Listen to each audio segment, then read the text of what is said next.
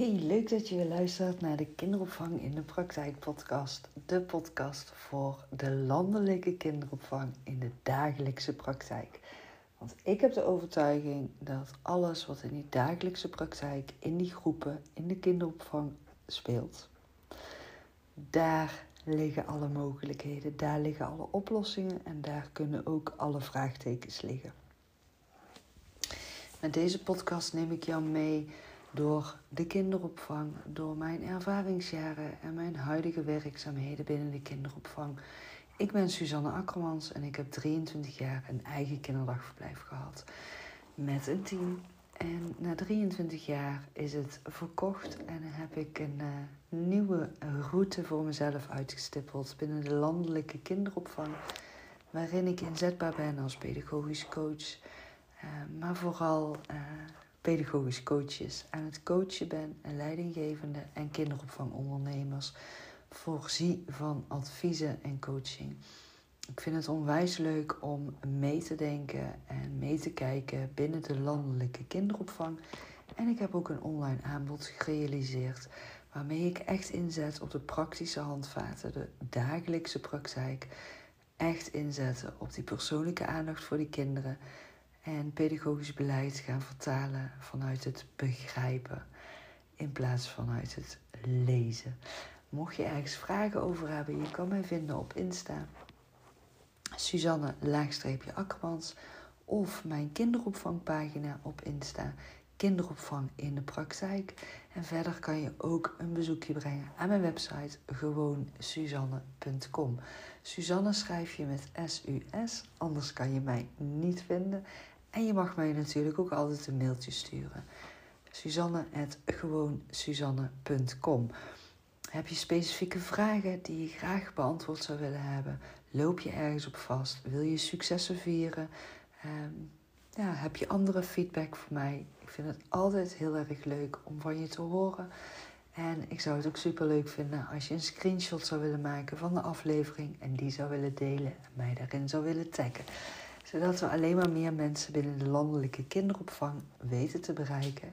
En dat dat uiteindelijk allemaal weer terugkomt bij de kinderen. Ik wens je heel veel luisterplezier vandaag. Hey, leuk dat je weer luistert naar de podcast Kinderopvang in de praktijk. Oh, ik ben echt snot verkouden. Echt niet normaal.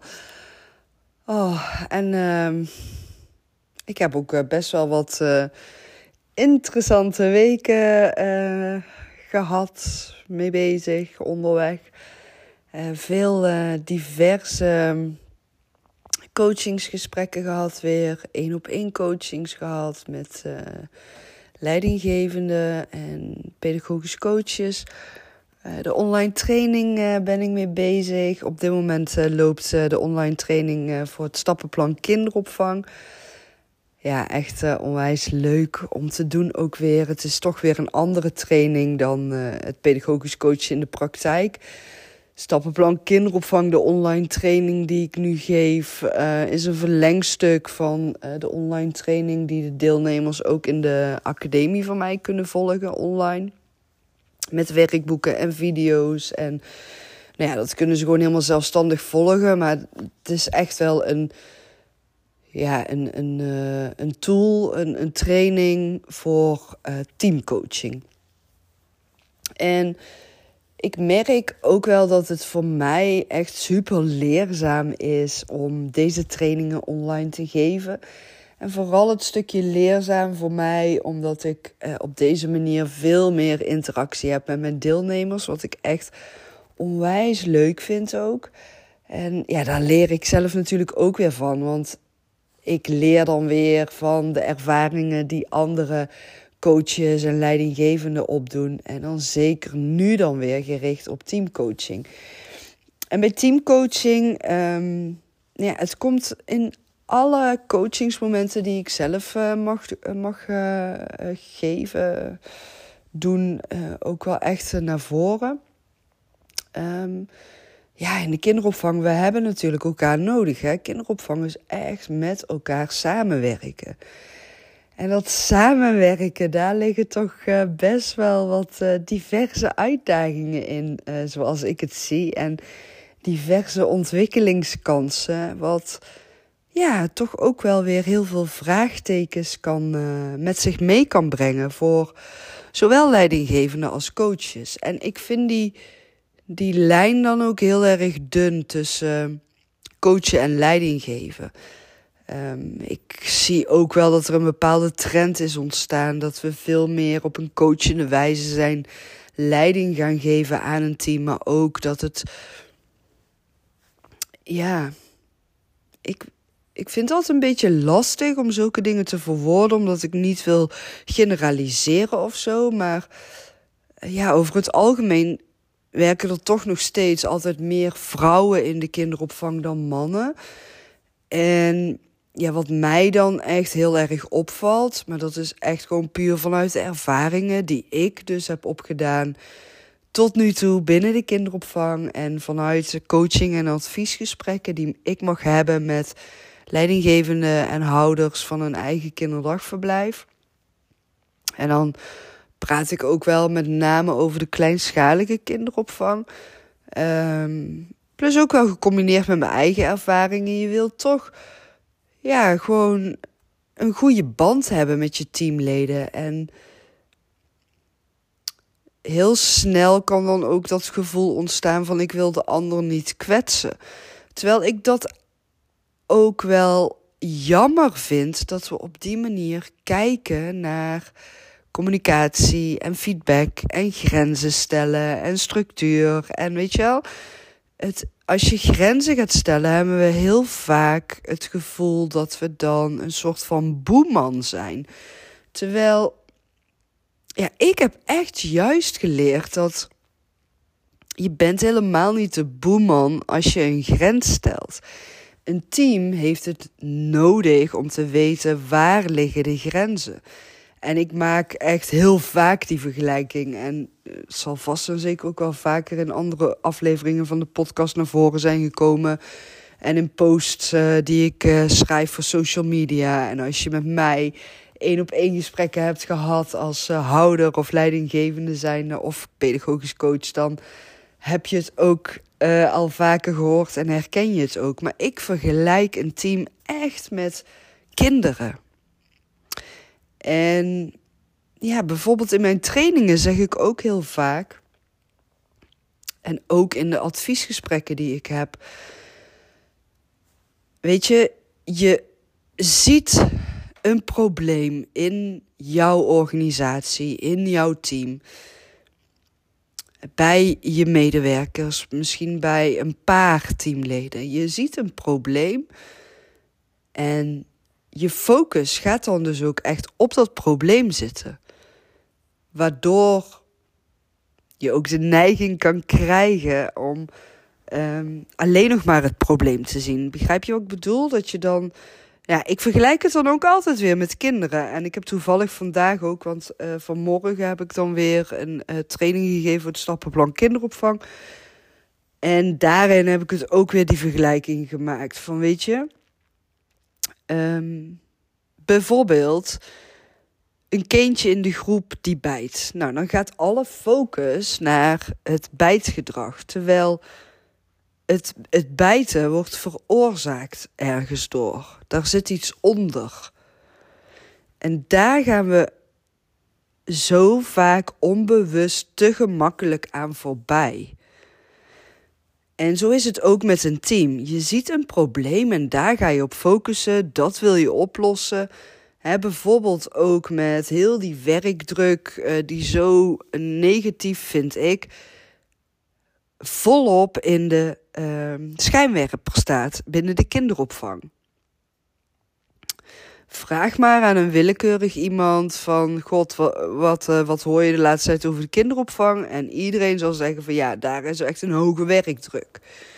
Dat staat in de schijnwerpers. Maar ga nou eens kijken naar de oorzaak daarvan. En wat bedoelt de een met een werkdruk en wat bedoelt de ander met een werkdruk? Daar zitten verschillen in. En waardoor wordt het dan veroorzaakt? Ga echt een laag dieper zoeken. Ga echt die diepte induiken en ga het zien, ga je team zien als een baby. Als een groep kinderen. Maar ja, de meest heldere vergelijking vind ik, zie je team als een baby. En dat bedoel ik helemaal niet uh, negatief naar de pedagogisch medewerkers. Hè? Absoluut niet. Ik bedoel daarmee ook niet dat pedagogisch medewerkers niks kunnen, tussen aanhalingstekens. Echt absoluut niet. Het tegenovergestelde zelfs. Want ik ga er toch altijd wel vanuit dat iedereen vanuit zijn beste kunnen en allerbeste intenties in de kinderopvang werkzaam is met de allermooiste talenten. En iedereen heeft andere talenten, maar in een samenwerking speelt zoveel meer mee. En er is zoveel meer belangrijk om tot die gewenste resultaten te kunnen komen. Zodat er tijd voor de kinderen gaat ontstaan. En de pedagogisch medewerkers vanuit een bewuste, rustige houding aanwezig kunnen zijn, beschikbaar bij de kinderen. En daarvoor uh, hebben ze voeding, aandacht, rustmomenten, liefde, uh, alles nodig om zichzelf dan weer te kunnen ontwikkelen. Dus ja, een beetje aansluitend op wat ik in uh, podcastaflevering 190 ook heb gedeeld. Sorry hoor. Um, maar als je het team dus gaat zien als een baby, een baby die in ontwikkeling is, um, dan ga je ook begrijpen dat, kijk, bijvoorbeeld een baby die kan gaan huilen. En ja, zeker bij pasgeboren baby's is dat, hè? maar ook bij baby's van, van drie, vier, vijf maanden. Die kunnen gaan huilen en dan kan het soms zijn dat je denkt van ja, zit er nou een boertje dwars of heeft hij nou last van zijn buikje? Of is er misschien toch iets uh, van een sprongetje waardoor de voeding verhoogd moet gaan worden. Of een ander voedingsschema aangeboden moet gaan worden. Of het slaapschema veranderd gaat worden. Want die baby die is continu aan het ontwikkelen. Vanaf de dag dat een baby is geboren tot aan de 12 maanden. En daarna gaat die ontwikkeling ook nog door. Maar um, gewoon die eerste 12 maanden is een baby zo gigantisch veel ontwikkelingen aan het doormaken.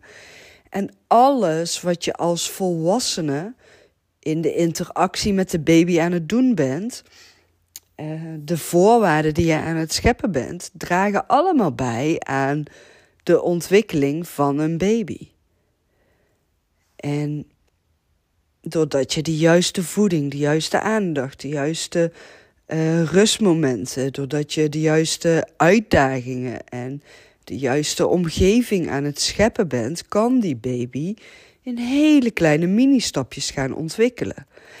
En alles wat je aan het doen bent en alle ontwikkelingen die die baby doormaakt in dat eerste jaar, die zijn nodig om uiteindelijk zo ver te kunnen komen dat die baby dus vast voedsel kan gaan eten. Dat die baby één keer overdag kan gaan slapen. Nou ja, dan zijn ze vaak al wel weer hè, de dreumesleeftijd, maar je begrijpt wat ik bedoel. Um, hè, dat ze uit een beker kunnen gaan drinken, dat ze woordjes kunnen gaan zeggen, dat ze um, speelgoed kunnen gaan vastpakken, dat ze dus kunnen gaan zitten, kruipen, optrekken tot staan, kunnen gaan lopen dat is een bepaalde volgorde. Die, die ontwikkeling verloopt volgens een bepaalde volgorde. En iedere keer in hele kleine stapjes. En daar zijn iedere keer allemaal de juiste voorwaarden voor nodig. Die moeten gerealiseerd worden op de juiste manier, afgestemd op de behoeftevraag van die baby, om zichzelf verder te kunnen ontwikkelen. En zo is dat ook in een team.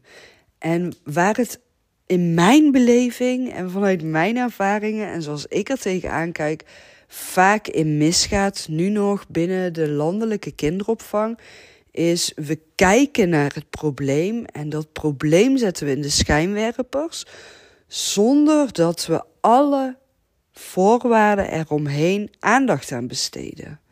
Daar gaan we volledig aan voorbij, onbewust hè, vaak. Er zijn zoveel meer elementen van invloed op de ontwikkelingen van een team. En kijk, van nature willen wij zo snel mogelijk een probleem oplossen. Nou ja, ik weet niet eens of dat van nature is. Ik denk dat we dat ook een soort van aangeleerd hebben gekregen. Problemen zijn er om op te lossen. Terwijl, ja, wat doe je met een baby die huilt? Die pak je vast, die ga je troosten en bij je houden. En tegenwoordig wordt er dan ook heel vaak, heel snel al gezegd van, weet je, het is al goed, stop maar met huilen. Terwijl die emoties, die moeten er toch uit. Daar moet ruimte aan gegeven worden. En een baby kan dus ook gefrustreerd raken als die zichzelf aan het ontwikkelen is. Die wil soms misschien ook sneller dan dat hij al alles heeft ontwikkeld en kan. En dan kunnen er frustraties ontstaan. En dan is het weer de kunst om die baby te helpen, die frustraties dus mee om. Uh, oh, sorry hoor. Om mee om te leren gaan met die frustraties. En um, ja, daar, daar gaat tijd in zitten. En ik heb in het verleden zelf ook die fouten gemaakt. Ja, fouten. Vanuit onwetendheid. Niet wetende hoe je een team kan helpen ontwikkelen en kan helpen groeien. En ieder individueel teamlid kan helpen ontwikkelen. En dan dus ook ervoor kan zorgen dat die persoonlijke ontwikkeling van ieder teamlid weer gekoppeld gaat worden aan het hele team wat in ontwikkeling is. En een hele organisatie die daardoor ook weer gaat mee ontwikkelen met de teamleden. Ik wist daar eerst ook niet hè, hoe dat werkte. Maar juist doordat ik ook daarin weer uh, diverse uitdagingen heb mogen ontvangen en uh, tegen problemen aan ben gelopen, ben ik mezelf daar gewoon echt in gaan verdiepen. Ik vind het ook wel echt magisch interessant hoor, om, uh, om echt zo ja, bezig te zijn met communicatie en um, problemen analyseren, onderzoeken en waar wordt het nou door veroorzaakt. En als je dan uiteindelijk alles boven water hebt, uh, zowel vanuit de individuele teamleden als het team in zijn geheel en de organisatie in zijn geheel. En dat allemaal samenbrengen en dan vervolgens gaan onderzoeken van oké, dus die heeft dit nu nodig en het hele team heeft nu dit nodig en dan heel de organisatie heeft dan weer dat nodig. En dat dan weer samen gaan brengen en daarin dan de tijd nemen. Kijk, en als je dan gaat kijken naar problemen die er kunnen zijn. Um, en dat is ook wel een stukje wat ik dan ook wel weer ja, soms zo jammer vind dat het, dat het zo verloopt. En ik begrijp dat het zo gaat. Ook dat herken ik van mezelf uit het verleden. Maar ja, pas als de problemen uh, zijn ontstaan en zo groot zijn geworden, gaan we er uh, mee aan de slag. Want dan wordt het, worden het irritaties en frustraties. En dan gaat het ten koste van van de medewerkers, van de kinderen, van de kwaliteit, van de organisatie. Krijg je uitval, krijg je zieken, krijg je dat mensen ontslag nemen. Nou, noem het maar op. Krijg je al die problemen. Dus ja, dan ben je al tien stappen te laat. En heel vaak hoor ik dan terug van ja, maar Suus, hoe moet ik dat dan weten? Hoe had ik dit dan kunnen weten dat dit zou gaan gebeuren? ja, soms, soms is het ook nodig hè, om, om eerst in die problemen te komen te zitten voordat je het kan gaan oplossen en begrijpt, kan gaan begrijpen wat het belang is van alle juiste stappen zetten met elkaar. Maar ja, die vind ik zelf soms nog wel een beetje lastig, want dan denk ik van ja, maar als jullie nou dit doen, dan kan je dat probleem voorkomen. Ja, ook daar leer ik weer van. En um, die onderzoek ik dan dus ook weer. Maar ik ben echt wel een heel erg uh, analyserend persoon die continu vragen aan het stellen is. En continu ook op zichzelf aan het reflecteren is. Maar ja, daardoor heb ik ook wel weer echt geleerd dat als je met teamcoaching aan de slag gaat, dat je echt, echt, echt daar minimaal een jaar de tijd voor mag uittrekken. En ehm, ja, zelfs nog wel langer. Want in de tussentijd veranderen er weer zoveel dingen. En alles heeft weer van, is weer van invloed op de ontwikkelingen in een team. Ja, ik vind het magisch interessant. Ik vind het super leuk ook om daarmee bezig te zijn. Maar wat ik je vooral voor, voor nu wil meegeven. Uh, is toch wel ja, een soort van andere kijk uh, gaan aannemen ten aanzien van het team. En als je dus echt gaat kijken van, oh ja, ik zie het, het team is een baby of het team is de Dreumesgroep geworden. Weet je, je hebt dat eerste jaar en die ontwikkelingen met dat team heb je doorlopen hè? vanuit de probleemanalyse, zal ik maar even zo noemen. En je bent samen gaan ontwikkelen, je bent daarin gaan investeren en vervolgens ben je een jaar verder en dan kom je in die dreumesfase terecht. En weer een jaar verder kom je in de peuterfase terecht. Ik zeg ook altijd, nou, weet je, ik stel heel vaak ook de vraag van hoe lang heeft het team al deze samenstelling? Dus hoe lang is iedereen werkzaam in het team? En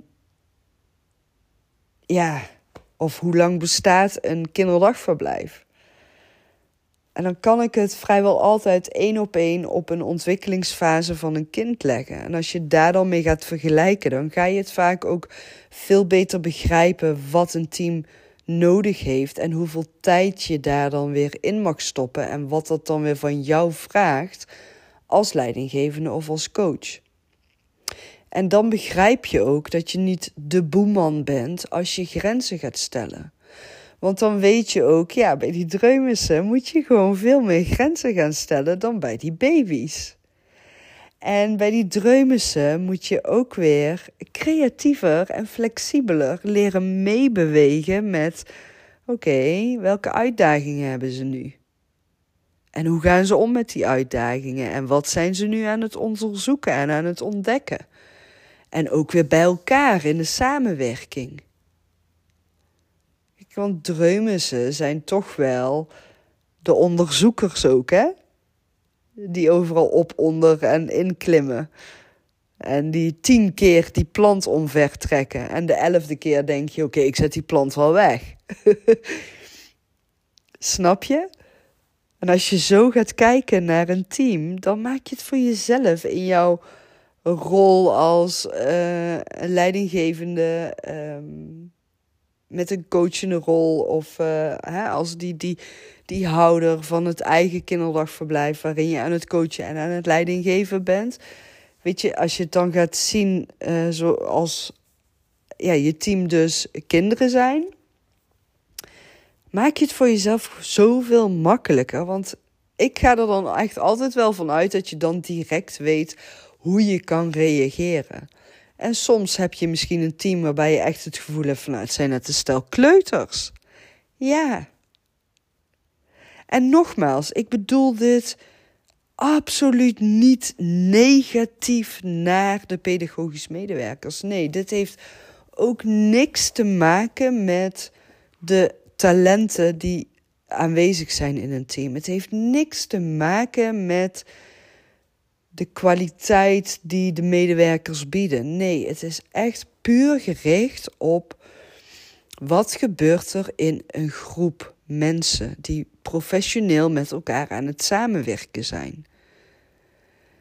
Dat is een bepaalde dynamiek. En um, ja, dan, dan ga ik nog dieper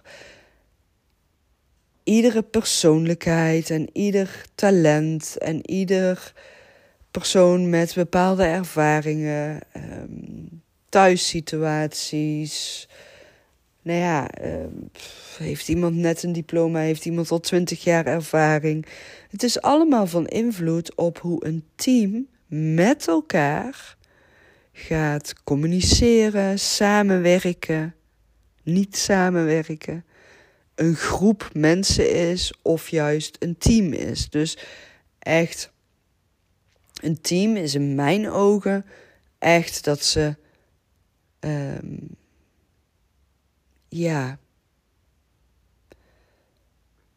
weten wat ze aan elkaar hebben, elkaar ondersteunen, loyaal zijn naar elkaar, maar ook gesprekken met elkaar aan kunnen gaan.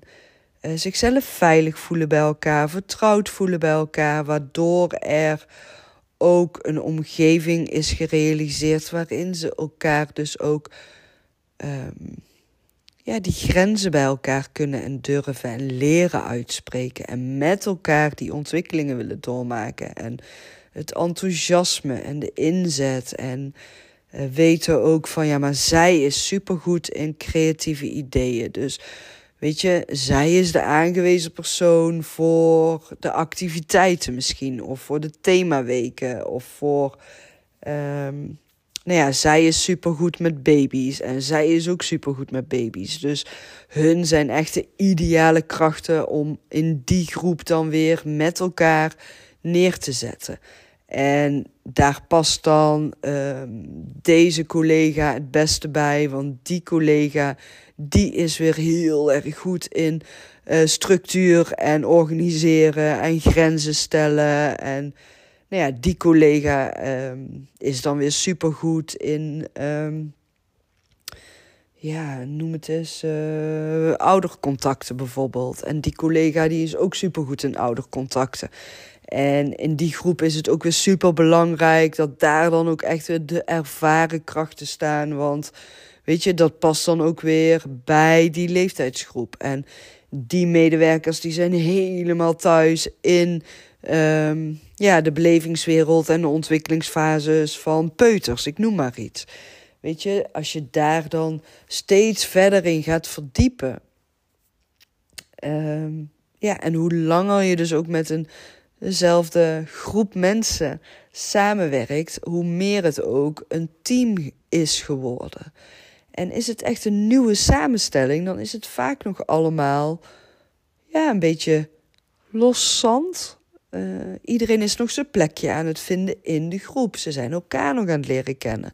En tegelijkertijd, ze kennen elkaar nog niet zo goed. Ze weten nog niet uh, de eigenaardigheden en de. de, de, de uh, ja, zeg het eens, de, de, de kwaliteiten van elkaar. Dus ze moeten elkaar nog echt leren kennen.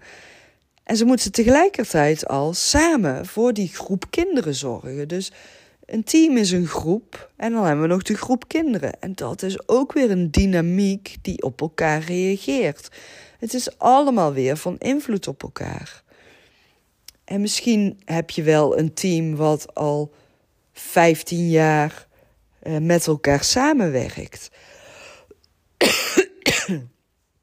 Dus dan is het veel meer te vergelijken met de puberteit. En ja, die menen ook dat ze alles al gewoon supergoed weten en kunnen. Dus er is geen coaching nodig. Uh, teamoverlegmomenten zijn misschien ook een beetje overbodig. En het is allemaal niet nodig, want ze weten alles al. Maar pubers doen ook heel vaak dingen op een soort van automatische piloot zonder na te denken. En nogmaals, geen verwijt naar pedagogisch medewerkers. Ik ben nu ook niet pedagogisch medewerkers aan het afkraken. Zo moet je het ook niet interpreteren. Absoluut niet. Het is echt een vergelijking die ik aan het maken ben om naar jou toe duidelijk te maken hoe je voor jezelf het leidinggeven en het coachen makkelijker kan gaan maken. Waardoor je makkelijker kan gaan aansluiten op de mensen in een team. En dat je beter kan gaan begrijpen welke tijd je mag nemen om dus te investeren in een teamontwikkeling. En ja, ook als je al heel veel jaren met een vast team werkzaam bent, ook dan is het nog steeds goed om te blijven ontwikkelen en daar met elkaar in te blijven investeren. Want ja, juist bij uh, medewerkers die al zoveel jaren dag in dag uit hetzelfde aan het doen zijn, die kunnen ook weer echt zo onbewust in de valkuil stappen dat ze echt op die automatische piloot aan het werken zijn. En ja, zeker om dan weer even terug te pakken naar hoge werkdruk die in de schijnwerper staat. Dan ligt de focus op hoge werkdruk. En misschien van ja, er moet een groepshulp of zo bijkomen. Hè? Ehm, we moeten met meer mensen gaan werken. Of uh, er zitten te veel kinderen in de groep. Dus de groepsamenstelling moet veranderen. Weet je wel? Zulke geluiden kun je dan gaan ontvangen. Maar ik zou dan echt gewoon gaan onderzoeken. Oké, maar jullie hebben zoveel jaren ervaring in de kinderopvang. Hoe komt het dan dat je nu een hoge werkdruk ervaart? Waardoor wordt dat veroorzaakt? En dan niet kijken naar de aantal kinderen in de groep, maar kijken naar wat, wat zijn die pedagogisch medewerkers dan dag in dag uit aan het doen. En hoe bewust zijn ze van dat wat ze aan het doen zijn? En hoe gaat het met de kinderen in de groep? En welke kinderen zitten in de groep? En welke activiteiten worden aangeboden aan de kinderen? En hoe bewust wordt er nog stilgestaan bij dat wat er wordt aangeboden aan de kinderen? Er zit altijd een laagje onder en daar mag veel meer naar gekeken gaan worden. Ik heb echt het gevoel dat in de kinderopvang nu de focus te veel ligt op dit is het probleem, dit moeten we oplossen, we gaan dit doen, klaar en door. En waarom wordt het niet opgelost? Waarom verandert het niet? Oké, dan moeten we nu maar gewoon gaan kijken naar alle arbeidsvoorwaarden. Oké, dan moeten we nu maar gaan kijken naar alle wet en regelgeving. Maar. En ook daarin beweer ik niet dat, dat die. Uh, ja, dat, dat dat allemaal niet uh, van invloed is. Uh, zeg dat goed? Dat het niet van invloed is op wat er allemaal speelt. Maar er zit nog een stap voor. Onder terug naar start. Vergelijk het maar met een huilbaby. Dan kan er. oh, sorry hoor. Dan kan er bijvoorbeeld gezegd gaan worden van. Ja, dat kindje is zo pittig. Die bepaalt de dag. Maar hoe komt het dan dat dat kindje pittig tussen aanhalingstekens is? Waardoor wordt dat huilen van die baby veroorzaakt? Daar zit altijd een oorzaak onder. Het komt ergens vandaan. En ik zeg niet dat pedagogische medewerkers artsen moeten gaan worden of zo, of medisch onderlegd moeten zijn. Nee. Absoluut niet. Maar het is wel heel goed om te gaan onderzoeken waardoor wordt gedrag bij kinderen veroorzaakt. Waardoor wordt gedrag bij pedagogisch medewerkers veroorzaakt. En ik heb echt de overtuiging en de ervaring dat als we onszelf daar veel meer op gaan richten en veel meer naar gaan kijken, dat we dan ook veel waardevoller gaan zijn voor die pedagogisch medewerkers en dus voor de kinderen. Dat we op die manier echt veel meer ondersteuning kunnen aanreiken en het dus voor de mensen in de groepen makkelijker kunnen gaan maken. En niet. Kijk, ik snap het, hè. Ik snap dat als er een hoge werkdrukervaring is, dat je dat het liefste gisteren nog opgelost wil hebben. Als er onrust in een team is, als er een roddelcultuur is, als er ja, eh, medewerkers niet met elkaar door één deur kunnen. um, als er heel veel um, invalkrachten ingezet moeten worden of um, ja, te weinig vaste krachten zijn. Ja, ik snap dat je al die problemen gisteren opgelost wil hebben. Maar wat nou als je tegen jezelf en tegen het team gaat zeggen: Oké, weet je, dit is het probleem wat we. Het topje van de ijslaag uh, zien. Dus, dus dit probleem eh, steekt boven alles uit. We erkennen het probleem. We zien het probleem. We gaan hier met elkaar de tijd voor nemen en in investeren. Maar we gaan hier ook echt de tijd voor nemen. En ja, ik, ik krijg ook. Um, nou ja, nou, ik zal hem anders zeggen. Um, ik geef ook altijd wel mee aan de deelnemers die het stappenplan kinderopvang uh, volgen. Weet je, als je start met dat stappenplan, bij stap 1 en bij stap 2, 3, 4, 5, je zal 9 van de 10 gevallen maar hele kleine mini-stapjes aan ontwikkelingen waarnemen. Als je start met dat stappenplan. En ik geef daarin dan ook echt mee van neem echt die tijd. Heb respect voor de tijd. Ik benadruk dat echt meerdere malen. Omdat die tijd ook echt zo belangrijk is om te nemen. Vergelijk het maar weer opnieuw met die baby, zijn ontwikkeling.